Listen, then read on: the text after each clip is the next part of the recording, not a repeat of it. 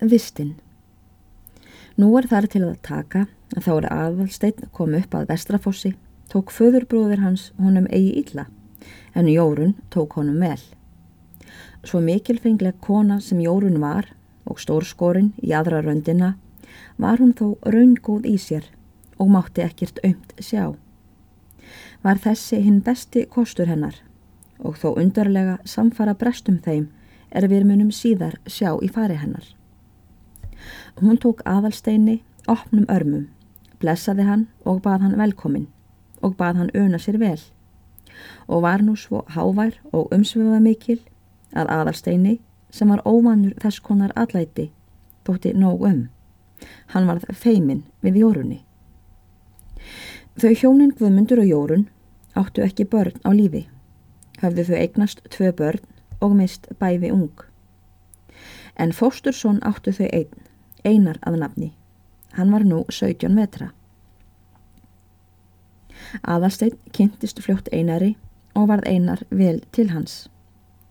Næsta sunnundag, eftir það að Aðalstein kom í vistina, býður einar honum að þeir skuli ganga þar í kring og sjá sig um og vil sína Aðalsteini landslægið og segja honum örnefnin segir einar aðalsteini að einkum þykir fagust og tilkomið mikill að ganga upp hjá fossinum syngjanda og skoða fossin og glúfrið. Aðalstein tekur þessu fegin samlega og ganga þeir nú fyrst vestur af túninu og sínir einar aðalsteini smjörhóla og nefnir fyrir honum suma þeirra með nöfnum. Hann sínir honum strítu, hellishól, strokkhól og stamp en lengra vestur frá Borgarhól, Berjahól og Sjónarhól. Hann segir aðalsteini, nöfn á jökli þeim og jökullutum er sjámátti til norðurs. Nefnir honum fellið í útnorðurinu og ána sem rennur fyrir austan fellið. Einar segir aðalsteini nú að það muni fyrir honum liggja að sitja hjá þar í hólnum um sumarið og hvaðstan hafa gjört það áður og vera gagnkunnugur þar í hólnum. Segir að venja sé að reka ærnar vestur fyrir norðan stamp en sunnan berjuhól. Láta þær dreifa sér þar söður á bógin og vestur eftir en sitja sjálfur uppi á sjónarhól og sjá þaðan yfir. Er það helst varúðar verðt, segir einar, að fíð tapist ekki norður í hraunið, fyrir að ef norðanátt kemur eru rótlurnar vísar til að rása af og sleppa norður til jökla.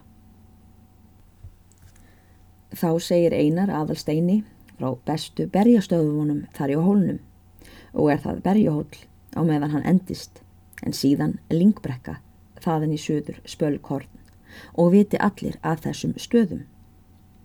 En svo segir einar aðalsteini að hann viti enn af einni dágóðri berjabrekku sem hann voni að enginn þekki annar en þeir björn á hraunni, tveir einir og heitir hann að segja aðalsteini til þess staðar við tækifæri. Vil ég byggja þig, segir einar, að geta ekki um þetta með strákin hann Þorbjörn á sporði þó þú hittir hann í hjásetunni. Loksins segir einar aðalsteini að þeir finnist einat smalarnir frá fossi og hraunni og eigi sér vænt smalahús hjá sjónarhól og hafi hann einatt og þeir björn á hraunni setið þar saman í húsinu og skemmt sér hvor með öðrum. Sé þá ekki annar vandin í hjásetinu en hafa fjöð fyrir sunnan eða vestan og koma smátt og smátt upp á hólinn og gá að hvað því líður. Þegar einar hefur frætt aðalstein um þetta og annað fleira þar að lútandi, segir hann Nú skulum við snúa við og ganga að fossinum. Þar vona ég þú sjáur fyrðuverk. Aðalsteinn hafi aldrei komið að syngjanda eða skoðað hann fyrr. Niðurinn heyrðist að sönnu glögt út af naðstabæ og sást þaðan efstu hlutin af fossinum en gilið og gljúfurbarmarnir skegðu á allan meiri hluta fossins svo að sá eigi þaðan. Þá er þeir koma að fossinum, verður aðalsteini starfsyngt á. Hann undrast að trölslegu náttúru fossins. Þessi skínandi vatshengja er lafið fram af berginu sem kvitt traf. Þessi yðandi glitofnu regnski er liðu kringum fossin og glömpuðu gegn sólarljósinu í öllum regnbóðans litum. Þetta ægilega gljúfur, svart og djúft eins og næturheimurinn, er gafti við fossinum og síndi sig líklegt til að svelgja hvern vatstrópa og fyllast þó ekki að heldur, enda þótt fossin væri hundraðfælt starri. Þetta beljandi fall er steifti vatninu með sívaksandi hraða niður í hið myrka ginnungagap. Þessi öskrandi gnýr er leti eirum svo sem þrótlus þruma. Allt þetta fjekk svo mjög á aðalstein að hann stóð högdofa og þótt einar væri að tala til hans og benda honum til þess að sína honum hitt og þetta sem hann vildi vekja aðtikli hans á. Þá starði aðalstein aðeins og mælti ekki orð frá munni. Þeir einar og aðalstein skoðuðu fossin góða stund og fóru síðan.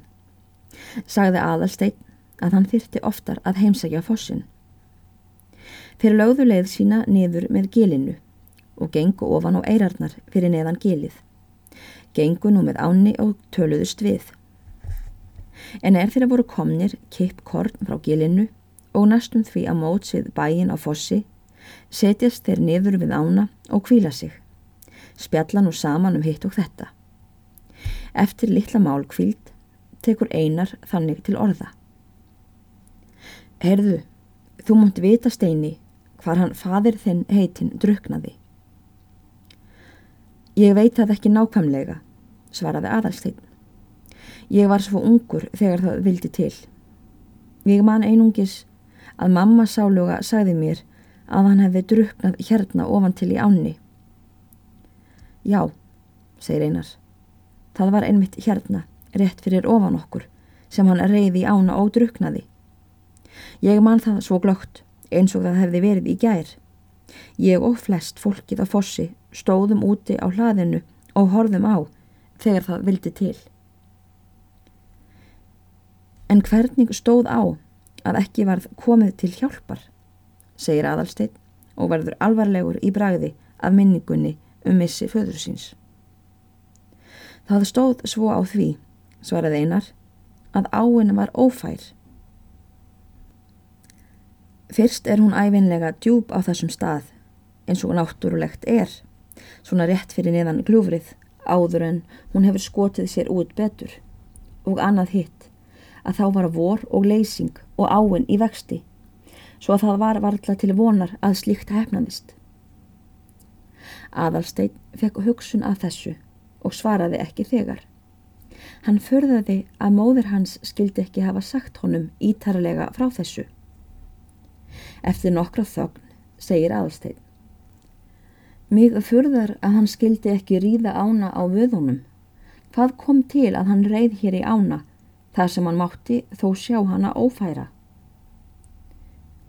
Það kom náttúrulega til ekki annað en það, svaraði einar, að maðurinn var ógáður, eða réttur að sagt, dauða drukkin og reið í ána þar sem hann kom fyrst að henni. Það var léleg útigengin rissa sem hann reið. Óðar en hún greip sundið, kastaði henni þarna niður á brotið. En þá mun hann, ef til vill, hafa tekið eitthvað óliðlega í tauminn, því að hrossið misti fótana neðan til á brotinu, þegar við heldum að hann væri rétt sloppin. Allt fór í kaf, en hrissan kom mannlaus upp aftur og náði austurlandinu. En Sveini skaut ekki upp tíðara, fyrir en hann fannst rekin langt úti á eirum. En að manninum skildi vera sleft frá bænum þegar svona stóð á, segir aðalsteit og lítur framann í einar með vaksandi alvörugjafni og er nú fölur í andliti. Það var ekki gott við að fást, mælti einar. Eins og þá var öllu háttað. Það var sagt að þeim hefði sinnast bræðrónum í það skipti en báðir kendir og ekki vel fyrir kallaðir. Sveitnheitin reið burt í styttingi og mun hafa ætlað sér yfir að Eistrafossi en hverja erinda veit ég ekki eða vil ekki fara með. Hann var ekki gladur þann dag og engin á fossi. Það er svo minnistæðasti dagur sem ég hef lifað og vildi ég ekki eiga að lifa hann upp aftur. Og var ég þó ekki gamal þegar það kom fyrir. Líkast til á aldur við þig nú. Einar þagnaði og hugsaði til þess atbyrðar er hann hafði um getið. Hann bjóst ekki við því í fyrstunni að hann þyrti að fræða aðalstein um það með hverjum atvikum fadir hans var dáin og lánu við að hann sægi eftir að hann hafði vakið máls á þessu úr því að aðalstein hafði hingað til verið dölinn þess. Þegar hann gætti betur að, sá hann og að þetta hafði verið skinsamlega gjört, þar sem barn átti hlut að máli og að aðalstein allt til þessa þurfti ekki við vita meira en einungis það að fadir hans var andaður. Einari þótti nú verra að talið hafði leiðist svona langt. Aðalsteinn sall hljóður og horðir sem agdofa fram á ána. Líkur manni þeim er eigi fær orði uppkomið. Hann hugsaði til hins tvöfalda tjóns er hann hafði beðið. Fyrst í missi föður síns er þar á ofan hafið dáið svo vofeflega og ef til vill fyrir sjálfskapari viti sem í sjálfu sér var ekki einfalt slis. Og nú seinast í missi móður sinnar, hinnar ástríku móður er hefði verið svo nærgætin í sér að leina barni þess er slísalegast var í fráfalli föður þess. Það rann aftur upp fyrir honum, svo hugsun er þó hafi glemst eina stund hversu hann var einmanna í heiminum og munaðurlaus.